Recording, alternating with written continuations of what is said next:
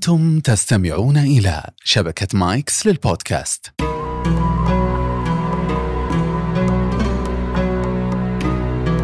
أهلا وسهلا فيكم مشاهدينا الكرام. معنا في أولى حلقات بودكاست قبل الغروب والمقدم من قناة مايكس للبودكاست.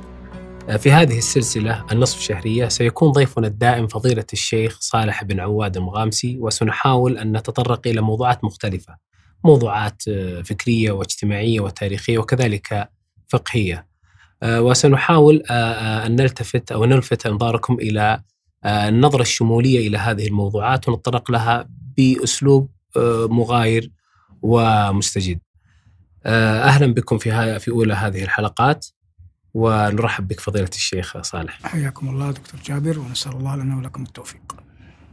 قبل أن نجلس هنا تحدثنا عن قضية طرق المواضيع ربما قد تكون متكررة أو مختلفة. البعض ينظر لها من زاوية والبعض الآخر ينظر لها من زاوية أخرى. أحيانا قد تكون النظرة الشمولية أجدر وهنا تأتي مسألة التذكير. مثل هذه الموضوعات المطروحة سواء كانت فكرية أو تاريخية أو حتى فقهية هل الجدوى فيها مسألة التذكير أم طريقة النظر إلى هذا الموضوع؟ ويمكن الجمع بين الأمرين. الإنسان أحيانا قد يمر على الآية يقرأها لكن تنزيلها قد يغيب عنه. كما أن عمر رضي الله عنه وأرضاه كان يقرأ آية وما محمد إلا رسول قد خلت من قبله الرسل أفإن مات أو قتل انقلبتم على أعقابكم. فلما أنبئ بموت النبي عليه الصلاة والسلام نسي هذه الآية. فلما قرأها أبو بكر على المنبر قال كأني لأول مرة أسمعها أو أتلوها. فأحيانا الإنسان يحتاج إلى شيء من هذا. الأمر الآخر كثير من العناوين لا يمكن أن تكون جديدة في موضوعها العام لكن يستطيع الباحث المحاضر الموفق أن يتناولها تناولا يناسب أهل العصر. ومن ثنايا تلك القصة المكررة يمكن أن يصل من يتحدث إلى مقصوده من إمرارها. فالله عز وجل جعل القرآن مثاني يتكرر لكن وظيفة الآية في كل سورة تختلف عن وظيفتها في السورة التي قبلها والقصة واحدة. فمثلا سجود السحرة تكرر في القرآن كثيرا لكن في كل مرة كان يعرضه القرآن بطريقة يراد منها غاية غير التي كانت تراد في في الأول. من هذا الباب أرجو أن نوفق في طرح ما نريد أن نطرحه على الإخوة المستمعين والمشاهدين. شكر الله لك. نبدأ بما نحن في بداية البودكاست وفي هذه أول حلقة من هذه السلسلة. نريد الحديث عن قضية اللي هو مثلا الملائكة وآدم والشيطان. هي والجنة والنار هي مفردات وأيضا أه شخصيات أه الكل يعلمها وتحكي عن النشأة الأولى. لو تحدثتم عن هذه الفكرة بإسهاب. نعم. النشأة الأولى نبدأ بالقول كان الله ولا شيء غيره وكان الله ولا شيء معه. العرش ثم القلم. الله يقول وكان عرشه على الماء. ثم خلق الله عز وجل السماوات والأرض في ستة أيام لتكون مهدا لمن أراد الله له أن يسكن الأرض. أنبأ الله جل وعلا الملائكة أنه جاعل في الأرض خليفة. هم كانوا أهل عبادة محضة. فتعجبوا من إيجاد خلق يعبد الله جل وعلا وهم قد قاموا بالأمر على أكمل وجه ونحو أتم. تجعل فيها من يفسد فيها ويسفك الدماء. من أين أتوا بهذه الكلمة؟ اختلف العلماء في ذلك. لكن يرجح والعلم عند الله أنه كانت طائفة من الجن تسكن الأرض وكان بينهم شيء من الدماء. ألا نرجح هذا عقلا؟ لا نقلا لكن نأتي للمفردات. والقصة معروفة لكن نأتي المفردات هناك ملائكة خلق من خلق الله خلقهم الله جل وعلا من نور. ثبت هذا عن رسولنا صلى الله عليه وسلم. هناك الجن سموا جن لاستتارهم هناك على بعض الأقوال لم يثبت نقلا لكن على بعض الأقوال الحن. الحن يقال إنهم بالحاء غير الجيم من الجن لكنهم سفلت الجن. سفلت الجن وهؤلاء الذين قيل إنهم كانوا يسكنون الأرض وكان بينه وبين الجن صراع. ويوجد الجن أنفسهم الذين خلقوا قبل أبينا آدم خلقهم الله عز وجل من مارج من نار. هذه العوالم كانت موجودة. كيف كانت تعيش؟ كيف كانت تحيا؟ أين؟ علمها عند الله. لكن المقطوع به أن الملائكة كانت تسكن في السماء. أخبر الله عز وجل ملائكته أنه سيخلق بشرا من طين. قبضت قبضة من الأرض. قبضها أحد الملائكة. بعد أن لم يستطع قبله ملكان أن يقبضا. كانت الأرض تستعيذ منهما فهو يقبل تلك الاستعاذة لأنه يعلم أن جلال الله عز وجل عظيم. ولذلك مريم عندما جاءها عيسى جاءها جبريل قالت إني أعوذ بالرحمن منك. وتلك المرأة التي لم يكتب لها تكون زوجة للنبي صلى الله عليه وسلم قالت أعوذ بالله منك. قال قد استعذت بمعاذ. فلم يقربها صلى الله عليه وسلم. فالاستعاذة بالله شيء عظيم. فلما قالت الأرض للملك أعوذ بالله منك رجع. ولم يقبض. الملك الآخر قال مثل الأول لما جاء ملك الموت الذي أصبح بعد ذلك ملك الموت ليقبض القبضة وقالت له الأرض كما قالت لصاحبيه أعوذ بالله منك. قال وأنا أعوذ بالله أن لا أنفذ أمره فإن الله أمرني أن أقبض قبض هنا يأتي مسألة العلم أحيانا. أو كيفية استعمال العلم المكنون في صدرك عندما تحتاج إليه في المناظرات أو في في مقابل شخص آخر. فقبض قبضة من الأرض. تراب. خلط بما أصبح طينا. ذلك نحن عندما نتطهر نتوضأ للصلاة نبدأ بماذا؟ نبدأ بالماء. لأنه الأصل وجعلنا من الماء كل شيء حي. فقدنا الماء ماذا نفعل؟ تيمموا صعيدا طيبا. نعود للتراب. الذي خلط به الماء. فالماء والتراب اللذين هما الطين أصل خلقتنا. فنتطهر بما هو أصل خلقتنا بالماء أو أو بالتراب. جعلت لي الأرض مسجدا وطهورا. حتى الصلاة نصلي على التراب لما؟ لأن منه خلقنا. ألم نجعل الأرض كفاة أحياء وأمواتا أحياء على ظهرها وأمواتا في بطنها. نعود للعوالم التي ذكرناها. خلق الله آدم. أمر الله الملائكة بالسجود لآدم تشريفا وله جل وعلا تعبدا. وله جل وعلا تعبدا. نحن الآن نسجد مستقبلين الكعبة. نحن لا نسجد للكعبة. لكن نشرف الكعبة بأن نسجد إليها لأن الله شرفها إليها وجهة. لكن نسجد لمن؟ نسجد لله. فالملائكة سجدوا لأمر ربهم لا عبادة لآدم. لا عبادة لآدم. وهذا السجود سجود تحية سجود تحية. وقد عمل به في الأمم بعدنا إلى شريعتنا فنسخ. كما سجد إخوة يوسف وأبواه له. نفس الطريقة. نفس الطريقة. لكن ليس بالسجود الذي الأعضاء السبعة الذي يظهر أنه أقرب انحناء إلى الانحناء المعروف بين الركوع والسجود فلنقل. خلق الله عز وجل أبانا آدم. خلقه بيده أسجد له ملائكته علمه أسماء كل شيء أدخله الجنة.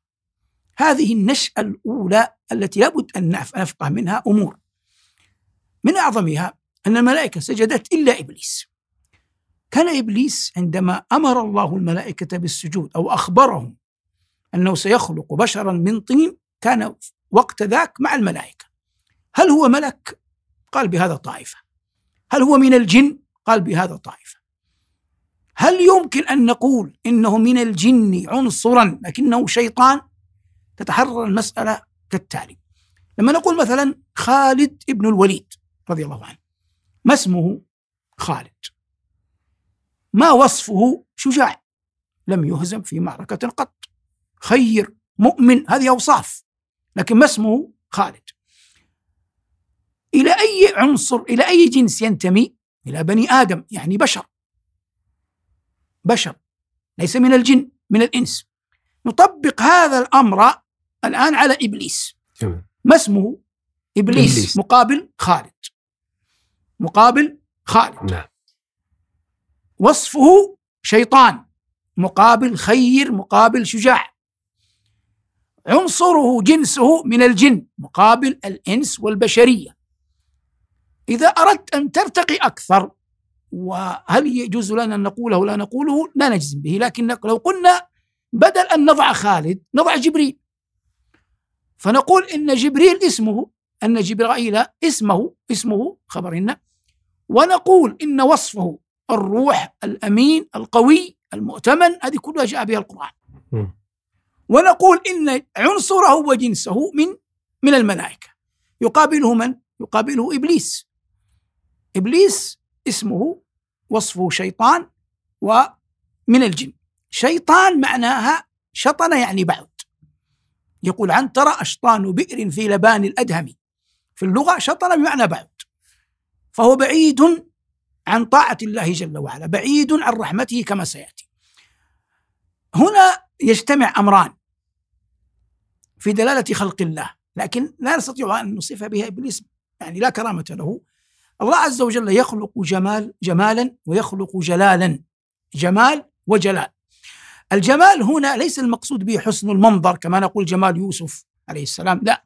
نقصد بالجمال المقابل للجلال اللين الرفق الحنو. هذا كله كله يدخل في معروف الجمال إذا قلنا إن الجلال بمعنى الهيبة. الجلال بمعنى الهيبة. الآن أخرج إلى نبيين كريمين ذكرهما شائع في الناس اليوم في الأديان السماوية موسى وعيسى. موسى عرف بالجلال أكثر مما عرف بالجمال. ألقى الألواح. يتلطف أول الأمر مع الخضر. هل أتبعك على أن تعلمني مما علمت رشدا؟ الآن في شيء من الجمال. اللين الرفق. ماذا حصل بعد ذلك؟ عاد إلى جلاله. عاد إلى هيبته. قال أخرقتها لتغرق أهلها؟ لقد جئت شيئا نكرا. قتلت نفسا زكية بغير نفس؟ ثم يقول في في في الأمر الثالث لو اتخذت عليه اجرا. تغيرت الشخصية. وظهرت شخصية الجلال أكثر من شخصية الجمال. تأتي لعيسى. إني عبد الله آتاني الكتاب وجعلني نبيا. وجعلني مباركا أينما كنت وأوصاني بالصلاة والزكاة. ما دمت حيا وبرا بوالدتي ولم يجعلني جبارا شقيا. والسلام علي يوم ولدت ويوم أموت ويوم أبعث حيا. لم يتزوج لم يبني دارا كما نقل عنه عليه السلام النصارى الآن اخذوا عنه هذا الجمال في دعوتهم للمسيحية. يقول قائلهم إن عيسى يقول إذا ضربك أحد على خدك الأيمن فأعطي خدك الأيسر. لم يقل عيسى هذا. وهذا نوع من الضعف الذي لا يقبله أحد. لكن هم يريدون أن يصبغوا عيسى بالجمال الذي مقصود اللين. الآن موسى نبي بني إسرائيل نبي اليهود يحمل الجلال أكثر من الجمال. وعيسى نبي بني إسرائيل نبي المسيحيين نبي النصارى يحمل من الجمال أكثر من الجلال. اللي هو اللين ولا اللين. جمع الله لنبينا صلى الله عليه وسلم الجمال والجلال متكافئان في شخصيته. الجمال والجلال فأصبح الكمال البشري يتمثل حق التمثل في شخصية محمد بن عبد الله صلى الله عليه وسلم. وهذه خصيصة تنبه لها شوقي في شعره. فإذا مدح النبي عليه الصلاة والسلام من ذكاء شوقي وسعة ثقافته وإن لم يصرح بما قلناه ربما لا يعلمه لكنه ظاهر في شعره. فإذا رحمت فأنت أم أو أب هذان في الدنيا هما الرحماء. وإذا قضيت هذه صفة الجلال.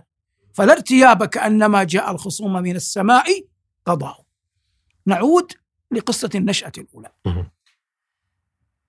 الله عز وجل لما أمر الملائكة بالسجود أنت الذي أمامك ما دام لم يظهر ما في قلبه لا تحاسبه. لا تحاسبه. لكن إذا أظهر حاسبه. كيف نأخذها من الآية؟ الله عز وجل كان يعلم لأن الله لا يخفى عليه شيء في الأرض ولا في السماء ويعلم السر وأخفى أن إبليس لما خلق الله ابانا آدم وقبل أن تسجد الملائكة له دخل في جسد إبليس الكبر والحسد لأبينا آدم. يعلم الله ذلك.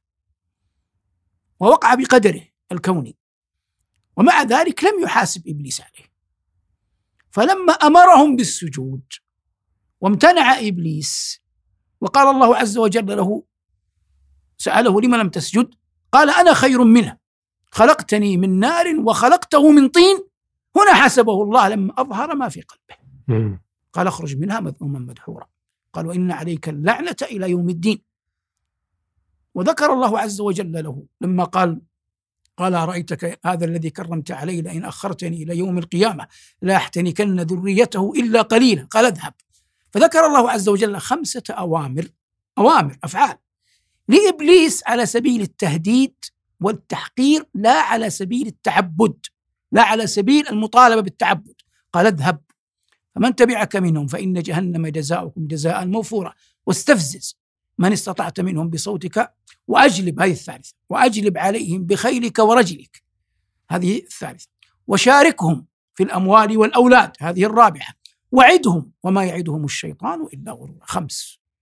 ومع كلها على سبيل التهديد والتحقير له لا على سبيل أن يتعبده الله عز وجل بها. لما أخرج ما في قلبه قال الله عز وجل ألم أقل لكم إني أعلم غيب السماوات والأرض وأعلم ما تبدون وما كنتم تكتمون. هذا عائد على إبليس. ما تبدون أما قالت الملائكة؟ تجعل فيها من يفسد فيها. ذكرت ما عندها. إبليس كتم. فيعلم الله من أظهر ومن ومن كتم. وهذه أمور لابد أن يلحظها العبد. وقلنا العاقل ما دام من أمامك لم يظهر حقك أن تحتاط لكن لا تحاسب. نعم. زياد بن وبيه معروف يعني بجبروته وتعلم أنه حكم العراقين العراقين يعني البصرة والكوفة في زمن معاوية رضي الله عنه وأرضاه وفي زمن يزيد. كان يقول في خطبته البتراء التي بدأها بغير حمد الله وبغير الصلاة على نبيه أما بعد فإن الجهلة الجهلاء إلى آخرها. قال والله لو أن أعلم والله لو أني أعلم أن أحدكم يخاطب أهل الكوفة والبصرة قتله السل من بغضي ما سألت عنه بمعنى كلامي. ما لم يظهر فإذا أظهر حسبته. فإذا أظهر حسبته. لعل هذا مستقى من الآية. نعود للنشأة الأولى. فلما خلق الله آدم أدخله الجنة. وخلق وخلق منه زوجه حواء. ولا يمكن أن يقال ما يقول بعض المعاصرين. المقصود خلق على نوعه على جنسه بعيد. قد دلت الآثار على أن حواء خلقت من ضلع آدم من ضلع آدم وصار ضلعه الأيسر. وهذا أمر ينبغي يعني فهمه جيدا. أدخل آدم وحواء الجنة. وصل إبليس إليهما لا ندري كيف. في خياشيم الحية غير ذلك لا نعلم. أباح الله عز وجل الجنة كلها لأبينا آدم. إلا شجرة ولا تقرب هذه الشجرة فتكونا من الظالمين. وسوس الشيطان. بدأ بحواء. قبلت حواء. أقنعت حواء آدم. يدل عليه من حيث الظاهر قول النبي عليه الصلاة والسلام ولولا حواء لم تخن أنثى زوجها. ليس المقصود خيانة الفراش. قطعا. أمنا حواء. نحن كلنا ننسب إليها. لكن المقصود أنها أغرته أقنعته أن يأكل من الشجرة. ما الذي حصل بعد أن أكل من الشجرة؟ ربنا يقول فبدت لهما سوآتهما. وطفقا يخصفان عليهما من ورق الجنة. ما السؤال الذي يأتينا جبرا؟ لما لما أكل من الشجرة بدت السوءتان. أجمل ما وقفت عليه من حيث الإجمال وأنا سأحاول أن أشرحه بصورة أكبر. قاله ابن عطية في المحرر حرر الوجيز كتاب تفسير لابن عطية رحمة الله عليه. قال لما أكل من الشجرة احتاج إلى التغوط فظهرت السوءتان. الآن كيف نشرحها؟ نشرحها كالتالي نحن نرجو الله أن يدخلنا في زمرة عباده الصالحين ويدخلنا الجنة. اللهم إذا دخل أهل الجنة الجنة الله يقول كلوا واشربوا. أين في الجنة. لكن ثبت بالأحاديث الصحيحة أن أهل الجنة لا يخرج منهم شيء. لا يحتاجون إلى تغوط ولا إلى غيره. إذا الأشجار التي كانت مباحة لآدم هي أشجار الجنة التي من من معدنها من مثلها سنفي إليها. لا تغوط. هذه الشجرة ستجعل صاحب ستجعل صاحبها يتغوط. فلما أكل منها تخوت هذا المخرج الوحيد في فهم الآية عقليا. مخرج الوحيد الذي نعلمه قد يأتي إنسان بمخرج آخر. فعدم علمنا ليس علما بالعدم. هذا الذي يظهر في السياق. ثم أهبط آدم بعد أن أكل من الشجرة إلى الأرض. وأهبط معه الشيطان. وأخبر الله عز وجل بالعداوة الأزلية ما بين الشيطان ما بين أبينا آدم وحواء وذريتهما. إن الشيطان لكم عدو فاتخذوه عدوا. إنما يدعو حزبه ليكونوا من أصحاب السعير. هنا بدأت النشأة تتغير قليلا. يعني في زمن آدم عليه السلام كان محرم أن ينكح الرجل أمه قطعا يعني. لم يأتي هذا في عصر من الدهور كلها. لكن كان يجوز للرجل أن يتزوج أخته كما حصل في صراع ابني آدم.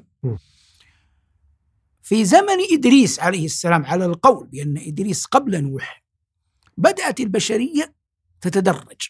وهذا لابد من فهمه الآن في سياق الأحد يعني تطور الحديث الذي تعيشه يعيشه الناس في كافة دول العالم. حتى ظهر الآن ما يسمى بالمواطنة الكونية. المواطنة الكونية هذا باب إن شاء الله نفصل فيه في لقاءات قادمة. نعود إلى القضية. في زمن إدريس عليه السلام خرج الناس من كونهم كانوا مجرد يسرون أجسادهم بجلود الأنعام. فكان أول من خاط بدأ الناس يعرفون شيئا من الثياب. بدأ الناس يعرفون الكتابة أول من كتب بالقلم إدريس. طور من أطوار البشرية. لما جاء نوح عليه السلام مسألة نكاح المحرمات انتهى فأصبح الرجل ليس له أن يتزوج أخته ولا خالته ولا عمته ولا أمه من باب أولى. إذا أطوار البشرية. وستبقى البشرية في أطوارها إلى قيام الساعة. ولذلك لما نادينا بقضية تجديد الفقه كان ضروريا. يبقى الأصل الكتاب والسنة. الاستسقاء منهما النهل منهما يحتاج في كل عصر إلى رجاله.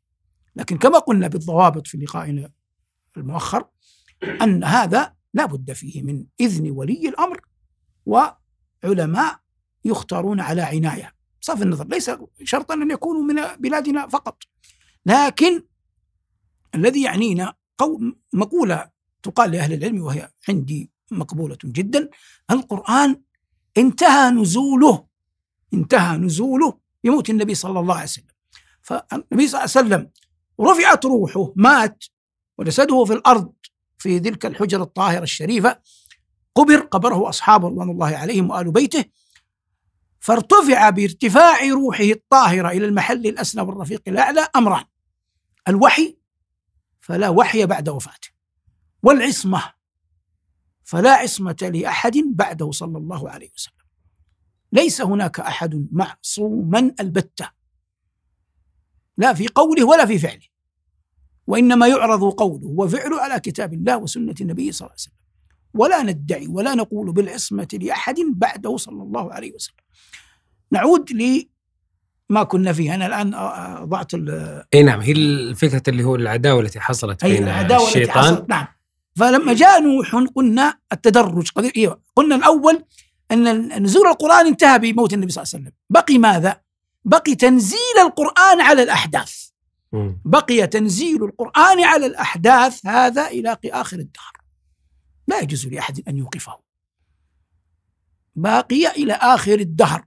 الأئمة الأربعة المتبوعون غير الأئمة الأربعة من الأئمة غير المتبوعين كلهم على الرأس والعين. لكن ما تعبدنا الله بأحد أن نقف عند علمه ولا نتجاوزه. إلا نبينا صلى الله عليه وسلم وهذا أمر قلت نظريا الكل يقول به لكن عمليا قل من يحمل ذلك اللواء وإن وجد وجد من حمل هذا اللواء ولا حاجة لذكر الأسماء. المقصود هذا كله ما يتعلق بالنشأة الأولى أيها المبارك. شكر الله لك. آه، بما أننا نتحدث عن النشأة الأولى وهذا التدرج والأطوار التي سار عليها آه، الإنسان آه، توجد خصيصة ملازمة للإنسان مع غيره من نعم. الأمور اللي هي قضية مشاعر الحب أو المحبة. والتاريخ يحمل شواهد كثيرة جدا نعم. آه، في في القرآن الكريم وكذلك في التاريخ على وجه العموم. صدقت. من ضمن هذه الشواهد محبة نبينا يعقوب عليه السلام لابنه يوسف. فلو تحدثنا عن سر هذه المحبة. بعد تأمل لم أجدها في النقل لكن بعد تأمل وجدت أن محبة يعقوب التي أثبتها القرآن زائدة ليوسف وأخيه بنيامين ناشئة عن أمرين. أولا ناشئة عن محبة يعقوب لأمهما راحيل ومن أحب شيئا أحب ما يتعلق به وما ينشأ عنه. هذه الأولى. الثانية ناشئة عن تأخر ولادة يوسف وبنيامين لأن راحيل لم تنجبهما مبكرا. هذا الإجمال. التفصيل يعقوب عليه السلام هو ابن إسحاق. جاء في كثير من الآثار أن إسحاق أوصى يعقوب ألا يتزوج من الكنعانيين الذي كان الذين كان مقيما بينهم وأن يتزوج من خاله لابان. لابان كان يسكن في العراق. ذهب يعقوب عليه السلام إلى خاله. كان يعلم أن خاله عنده ابنتان ليا وراحيل وأن راحيل هي الجميلة وهي الصغرى وأن ليا هي الكبيرة ولم تكن ذات حظ من الجمال. لكن الذي جعل يعقوب يخرج من أرضه إلى أرض خاله حبا في الصغرى لعلمه بجمالها. أخبر خاله قبل الخال اشترط عليه عملا سبع سنين قبل يعقوب طمعا في الدخول على رحيل. قضى ما عليه من مما كلفه به خاله.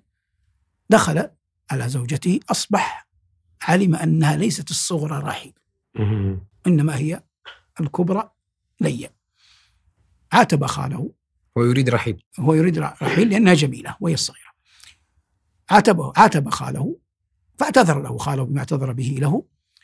حصل من ذلك أنه ما زال مصرا على أن يتزوج راحيل وكان جائزا في شرعهم أن التوراة لم تنزل بعد. التوراة نزلت على موسى. نتكلم عن يعقوب ويوسف وبنيه هؤلاء قبل موسى بكثير. التوراة لم تنزل. قد أصر على الزواج من رحيل طلب منه خدمة أخرى قبل مع احتفاظه بالزواج من ليا الكبرى. تزوج رحيل لم تنجب. من التي أنجبت؟ ليا الكبرى الغير جميلة. أنجبت ستة روبيل يهوذا شمعون لاوي يساخر زوبل. كم؟ ستة ستة جاء خاله لبان عنده جاريتان. بلها وزلفة. أهدى زلفة للصغيرة راحيل وأهدى بلها للكبيرة ليا. راحيل الجميلة لم تنجب إلى الآن. شق عليها ذلك. وضرتها أنجبت ستة فدفعت جاريتها زلفة هدية لزوجها يعقوب. أصبح يعقوب كم؟ عنده ثلاثة. تزوجها. أنجب منها نفثالي ودان. نفثالي ودان. أصبح يعقوب عنده ثمانية. أبناء. را لي الكبرى غارت. أهدت بلها ليعقوب. أصبح يعقوب الآن عنده أربع. زوجات. بلها الجارية المهداة الثانية الزوجة الرابعة أنجبت جاد وأشير. جاد وأشير. أصبح عند نبي الله عشرة. القرآن يقول إني رأيت أحد عشر كوكبا. يوسف هو الراعي بقي 12 أخ. إلى الآن راحيل لم تنجب. من راحيل الزوجة التي من أجلها طوى القفار التي هي الجميلة التي يحبها. بعد هؤلاء العشرة حملت راحيل ولدت يوسف. كيف الآن سيكون وقع يوسف ومحبته على أبيه؟ وقع يوسف ومحبته على أبيه سيكون شديدا. هو أتى من المرأة التي يحبها فالأولى هو يرى أنه خدع بها. والثانية والثا- والثالثة والرابعة إنما أهدي أهديت إليه هدية لم يطلبهما. فهو ليس معلقا قلبه بهما أو بهم بهن ثلاثة. فأصبحت هذه الزوجة الجميلة هي التي أنجبت يوسف. ثم أنجبت بنيامين فأصبح تعلقه فأصبح تعلقه بيوسف. وبنيامين بدهي جدا أن يكون أكثر من تعلقه عليه السلام بالعشرة الباقي بنيامين هو الصغير اللي بنيامين هو الصغير. ولذلك قال الله عز وجل عن إخوة يوسف ليوسف وأخوه أحب إلى أبينا منا ونحن عصبة. هذا الذي تبين لي وقد يعني أقول في مجالس الخاصة لم أسمعه من أحد ولم أقرأه لأحد وقد يكون أحد توصل إليه قبلنا ولا ضير لكنه هذا من مليح العلم لا من متينه لأنه لا يتعلق به عمل. لكن أن تشغل القلوب بكلام الله خير من أن تشغل بغيره. نعم جميل جدا. أيضا من الشواهد آه، الظاهرة محبة الرسول صلى الله عليه وسلم لزوجاته خديجة وعائشة وكذلك ابنته فاطمة. الحديث عن هذا التفاضل تفاضل محبه الرسول صلى الله عليه وسلم آه، لابنته فاطمة رضي الله عنها وكذلك زوجاته خديجة وعائشة رضي نعم. الله عليه. آه، النبي صلى الله عليه وسلم لعب النساء في دوره في حياته دورا عظيما. وهذا مما فضلت به المرأة يعني وحق للمرأة المسلمة أن تفخر بتلك النماذج العظيمة المثليات اللواتي كن حول النبي صلى الله عليه وسلم عندما تتكلم عن التفاضل حاول أن لا تجعله عاما ما استطعت. يعني لكل أحد خصيصة. فلا يمكن لامرأة أن ترقى إلى ما قدمته خديجة في أول الدعوة. لقد آمنت بي إذ كفر بي الناس وواستني بمالها إذ حرمني الناس وصدقتني إذ كذبني الناس وكان لي منها الولد ورزقت حبها. فلا يمكن أن يعدل أحد خديجة ممن جئن بعدها من أمهات المؤمنين في هذا الأمر لأنه كان صلى الله عليه وسلم لوحده. ولم يكن له زوجة غير, غير لم يكن له زوجة غير خديجة. ولم يتزوج عليها حتى ماتت. بل يمكن أن نقول إن الله ما أنزل آية ترغب في النساء في حياة خديجة. لأن خديجة ماتت قبل الهجرة بثلاث سنين والذي نزل من القرآن كان على ما أذكر الساعة فواتح العلق؟ والمدثر والمزمل والإسراء والكهف وطه والأنبياء. هذه السورة التي نزلت في زمن خديجة. وهي كلها لم يذكر حتى فيها الحور العين. إجلالا لها. رضي الله عنها وأرضاها. هذه خديجة. لا يمكن أن تقارن أحد بمشاج الدماء النبوية فيها كما تقول تكلم عن فاطمة. أن فاطمة بضعة مني. يقول الذهبي في الأعلام لما عرف بها قال البضعة النبوية والجهة المصطفوية. والرسول صلى الله عليه وسلم كان يحبها حبا عظيما دخلت عليه يوم وفاته فأخبرها أنها أول أهله لحوقا به وأنها سيدة نساء أهل الجنة. هذه عطايا لم تعطى لأحد من النساء غير فاطمة رضوان الله تعالى عليها. ولذلك الفرزدق لما أراد أن يمدح زين العابدين قال يخاطب هشام بن عبد الملك كان وقتها في ولاية أبيه عبد الملك قال هذا ابن فاطمة إن كنت تجهله هذه تكفي. بجده أنبياء الله قد ختموا. وكل النسب الشريف الذي ينسب إليه عليه الصلاة والسلام إنما ناجم عن فاطمة لأنها والدة الحسن والحسين رضوان الله تعالى عليهما. هذا ما يتعلق بفاطمة. إن جئت لعائشة فما أحد من النساء نشر علمه وسننه وهديه مثل مثل عائشة. لا خديجة ولا فاطمة. لأن فاطمة ما أدركت بعد حياة نبيها النبي صلى الله عليه وسلم إلا ستة أشهر. وخديجة ماتت قبل الهجرة. وعائشة رضي الله عنها وأرضاها عمرت بعد النبي صلى الله عليه وسلم قرابة أربعين سنة. نشرت علمه بين الناس. وكان الأجلاء من الصحابة والتابعين يسألونها رضوان الله تعالى عليها. فلكل واحدة منهن فضلها القائمة به. وهذا سنة الله عز وجل في خلقه. لكن قال عليه الصلاة والسلام لفاطمة وأنك سيدة أهل أهل الجنة. وقال في خديجة كمن من الرجال كثير ولم يكمل من النساء إلا خديجة بنت خويلد وآسيا بنت مزاحم مريم بنت عمران وفاطمة بنت محمد. هذا ما يتعلق بهؤلاء الفضليات رضوان الله تعالى عليهن جميعا. أحسن الله لكم. آه، آه، في أيضا شاهد آه، في في تلك الحقبة محبة النبي محمد صلى الله عليه وسلم لعمه حمزة بن عبد المطلب. حمزة بن عبد المطلب أحد عشرة من أبناء عبد المطلب جد النبي صلى الله عليه وسلم. إذا هو عم النبي عليه الصلاة والسلام. عبد المطلب والد عبد الله وعبد الله والد النبي صلى الله عليه وسلم.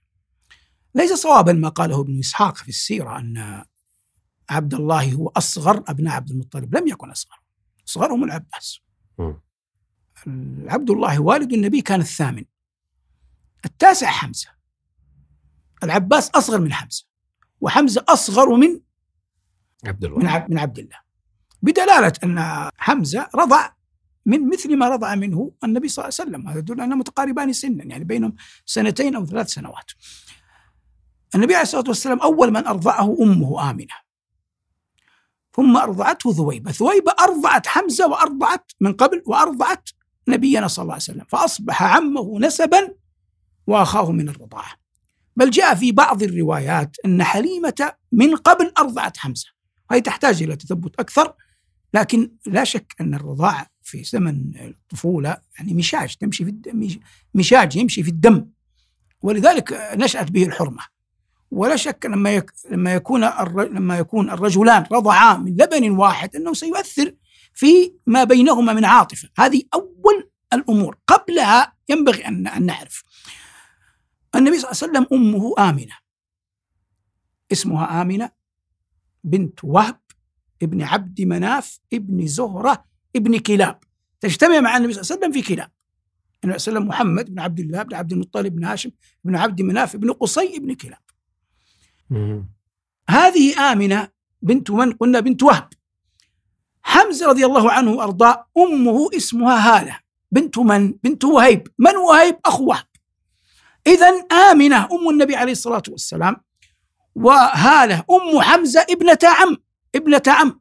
فأخوال النبي من بني زهرة من جهة أمه وأخوال حمزة من جهة أمه من؟ بنو زهرة أنفسهم. بنو زهرة أنفسهم. هذا كله يجعل الأمر في فيه دوافع. يأتي إسلام حمزة. فهو لما بلغه أن أبا جهل قال في النبي عليه الصلاة والسلام ما قاله اشتاط غضبا. وشجه بقوسه وقال أتتعرض له أو تهجوه تسبه وأنا على دينه. ولا ريب أن هذا غير أن يكون الإنسان أسلم لمنفعة يريدها لنفسه. ربما حمية. وربما حمية. وهذا كان في في النبي- النبي عليه الصلاة والسلام في دار الأرقم يعني في أوائل من السابقين. ويدل على عظيم المحبة أن النبي عليه الصلاة والسلام لما وقف عليه يوم أحد قال ما وقفت موقفا أغيظ علي من هذا.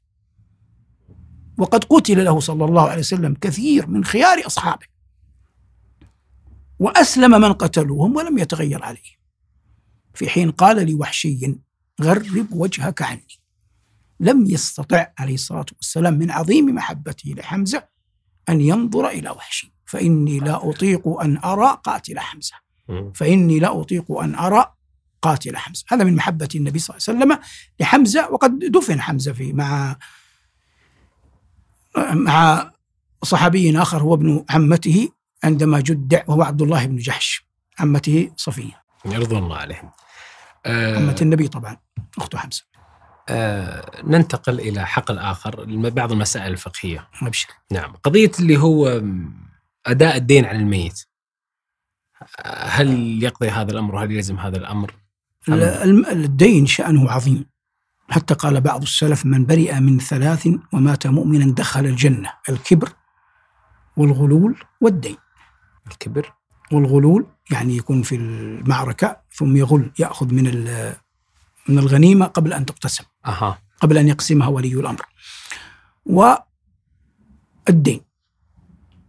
والنبي عليه الصلاة والسلام حذر منه لأن حقوق الناس مبنية على المشاحة ليست كحقوق الله المبنية على المسامحة. لكن فلنقع في صلب القضية. صلب القضية يعني تصورها كالتالي. لو أن رجلا عليه دين ولم يقدر أن يقضيه مات وعليه دين. فجاء رجل آخر علم بالدين. يحصل هذا الآن تشاهده أحيانا عند القبور. فيقوم قائل من قرابته من جيرانه من أصدقائه رجل متطوع متبرع. قال دين فلان علي. السؤال الآن هل تبرأ ذمة الميت أو لا تبرأ؟ الآن تسمع بعض الفضلاء عفى الله عنه عنهم يقول نحن نستدل بالكتاب والسنة. طيب كل المسلمين يستدلون بالكتاب والسنة لكن الحديث قد يكون واحدا وتختلف النظرة إليه. فلا تسفه آراء علماء الأمة. سنأتي بالخبر. الخبر حديث جابر حديث صحيح. النبي صلى الله عليه وسلم قدم له رجل من الأنصار ميت ليصلي عليه. فسأل أعلى صاحبكم دين؟ قالوا نعم يا رسول الله عليه ديناران. تأخر. قال صلوا على صاحبكم. قام أبو قتادة رضي الله عنه وأرضاه فقال يا رسول الله هما علي أي الدينارين. فقال عليه الصلاة والسلام وجب حقهما على الغريم وبرئ منهما الميت؟ قال نعم. فصلى عليه.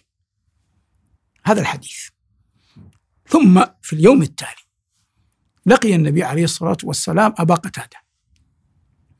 قال له ما فعل الديناران؟ قال يا رسول الله إنما دفناه بالأمس. إنما دفناه بالأمس.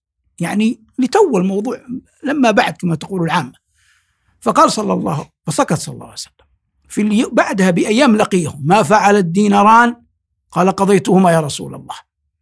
قال الآن بردت عليه جلده. الآن بردت عليه جلده. هذا هو الحديث. كيف فهمه العلماء. ذهب الجمهور.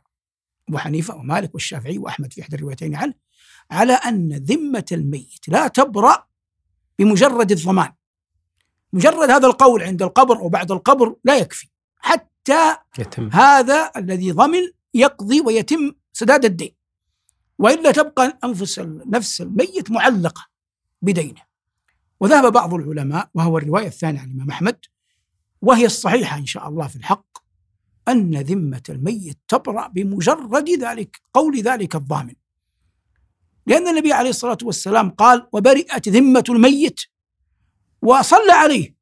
ولهذا قال الخطابي رحمة الله تعالى عليه في معالم السنن قال إن العلة في أن النبي عليه الصلاة والسلام لم يصلي على الرجل أن الدين في ذمته فلما تحملهما أبو قتادة وصلى عليه النبي معنى ذلك أن ذمة الميت برئت ولا يوجد معنى آخر لكون النبي صلى الله عليه وسلم صلى عليه إلا هذا. هذا دليل عقلي وهو منطقي جدا. ثم منطقي آخر منطق آخر أو عقلي آخر وهو أن الدين لا يمكن أن يكون له محلان. إما على الميت وإما على الغريم على الضامن. فإذا جعلناه على الضامن فقد قطعا برئت ذمة الميت. هذا ما يتعلق بأداء الدين عن الميت. أيضا في قضية أخرى آه، وهي متعلقة في في الفقه. ال- نحن الآن نعيش في زمن تطور فيه التنقل وسيلة التنقل نعم. والمواصلات وربما أصبح يعني السفر إلى أقاصي الأرض ساعات يعني معدودة تكون في قارة أخرى. لذلك تأتي مسألة المسائل ال- ال- الفقهية المتعلقة بالسفر. وعلى رأسها سفر المرأة من غير محرم. آه، فعلى سبيل المثال الحج والعمرة. ما حكم سفر المرأة للحج والغم للعمره من غير محرم؟ أنا أتحدث الآن عن سفر المرأة للحج والعمرة. يعني فقط. ليس على السفر المطلق. في. قضية وجود المحرم فيه. هذه القضية من قديم تكلم العلماء فيها. وأحد علماء المالكية الباجي رحمة الله عليه كان يقول إن القوافل الكبيرة لا تجري عليها قضية اشتراط المحرم. وهذا حق. وجه الدلالة مأخوذ مستنبط من حديث في الصحيح. عدي بن حاتم وأنت كنيتك أبو عدي. عدي بن حاتم لما أسلم النبي صلى الله عليه وسلم تكلم معه كثيرا. مما قال له يا عدي أرأيت الحيرة حيراء في العراق نعم. قال يا رسول الله لم أرها وأنبئت عنها. يعني كانت من الحواضر المعروفة. فقال عليه الصلاة والسلام يا عدي لئن طالت بك حياة إن عشت إن عمرت لترين الضعينة المرأة المسافر. تسمى الضعينة على الهودج يقول ام كلثوم. قفي يا أخت قفي قبل التفرق يا ضعينة لترين الضعينة تخرج من الحيرة. حتى تأتي الكعبة وتطوف بالبيت لا تخشى أحدا إلا الله. يعني ليس معها أحد ليس معها محرم يحميها. قال عدي فرأيت الضعينة تخرج من الحيرة يعني عاش. وحتى تأتي البيت فتطوف به لا تخاف أحدا إلا الله. يعني والحديث ليس مجرد خبر. لأن قضية تقول أنه خبر لا. هو خبر يراد به عن علو منار الإسلام. قاله النبي صلى الله عليه وسلم لأن عديا ارتاب في قضية وضع المسلمين. كان يخاف عليهم من قطاع الطرق ومن قطاع الطرق واختلال الأمن. النبي عليه الصلاة والسلام يخبره أن أمر الدين سيكمل وأن ولاية المسلمين ستعضد ستعضد وأن الأمن سيشيع في الناس. فساقه في سياق المدح ولم يسوقه في سياق الخبر المجرد. فاحتج به العلماء على أن المرأة إذا أمنت والحق الآن. ترى النساء مثلا في القطار في الطائرة المرأة في الطائرة أو في القطار. عقليا المكابرة ليست أمرا حسنا. هي أشد أمنا من رجل على ناقته ومعه امرأته في الصحراء طويلة الأمد يقطع شهر أو أقل أو أكثر هو وزوجته لوحدهما وهو محرم لها. الأمن في الطائرة أهون من هذا الرجل من دون محرم أهون من الأمن الذي يكون الرجل فيه مع امرأته. يعني لو جاء ثلاثة من قطاع الطرق أو خمسة انتهت القضية. وهؤلاء وهذا الذي في الطائرة أو في القطار المرأة التي في الطائرة وفي القطار هي أشد أمنا من من غيرها. أما أن تقول الحاجة الشخصية في المرأة هذا باب آخر. لأن يعني لا سمح الله لا سمح الله الله لا يكتب علينا ولا على نساء المسلمين. لو أرادت أن تخون هذا لو ضعتها في باب مغلق ستخون. يعني باب آخر. كان المحرم موجود وغير موجود محروم. إذا فسد الباطن سيفسد الظاهر. لكن ليس له علاقة بقضية وجود محرم أو عدم وجود محرم. لذلك الفتوى بجواز حج المرأة أو عمرتها من غير محرم في ركب مأمون وقد نقل أن ابن عمر كان كانت يعني جاراته يحججن معه رضوان الله تعالى عليه. جميل. طيب لماذا التفرقة يعني السفر تقيدته بالحج والعمرة السفر لحاجة الحديث جاء في الحج والعمرة م. أنا لابد أن نفرق ما بين السفر والإقامة يعني أنا لا أرى حرجا أن المرأة تسافر مثلا إلى أقصى الأرض بالطائرة من غير محرم. إن كان ثمة من يودعها في المطار ويستقبلها هناك. ليس إشكال في الطائرة أن تكون لا يلزم في الطائرة أن تكون محرم ولا في الباص أن تكون محرم ولا في القطار أن تكون محرم. لكن الإقامة بدون محرم هذه محل نظر. آه، انتهت الأسئلة. وشكر الله آه، لك يا فضيلة الشيخ على ما أدليت به في هذه الحلقة. وإن شاء الله نوفيك في الحلقة القادمة بإذن الله. إن شاء الله تعالى. شكرا الله آه، شكر لكم مشاهدينا الكرام على حسن استماعكم وبإذن الله نلتقي في الحلقة القادمة مع ضيفنا الدائم فضيلة الشيخ صالح بن عواد المغامسي فإلى اللقاء.